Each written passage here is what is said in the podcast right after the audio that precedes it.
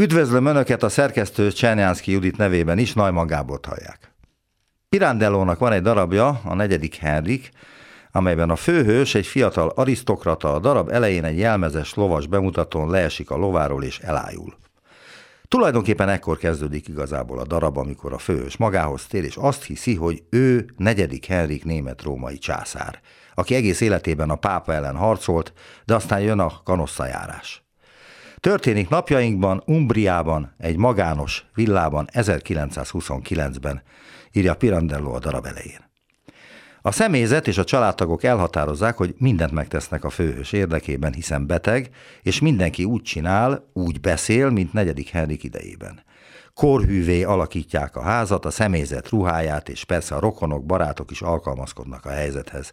Minden igényét kielégítik, leveleket vált a pápával, a hűbéreseivel. Mindenki végrehajtja a parancsát, hiszen ő negyedik Henrik német-római császár. Mintha a mi miniszterelnökünkkel is történt volna valami hasonló baleset. Esetleg kieshetett a felcsúti stadion páholyából, miközben a tökmagot köpködte, és a túlzott gólöröm okán nem vette észre a korlát esetlegességét, és beállhatott nála egy tudathasadásos állapot, mint Pirandellónál a negyedik Henrikben. Csak ő nem negyedik Henriknek hiszi magát, hanem mondjuk Piki Palkónak, és úgy gondolhatja, hogy rajta áll Magyarország felemelkedése és bukása. Neki mindenképpen tennie kell valamit, ami visszaállítja a két-háromszáz évvel ezelőtti állapotokat hazákban. Egyébként kezdhetné a Tisza szabályozással, mert azt jó lenne visszacsinálni az ökológusok szerint.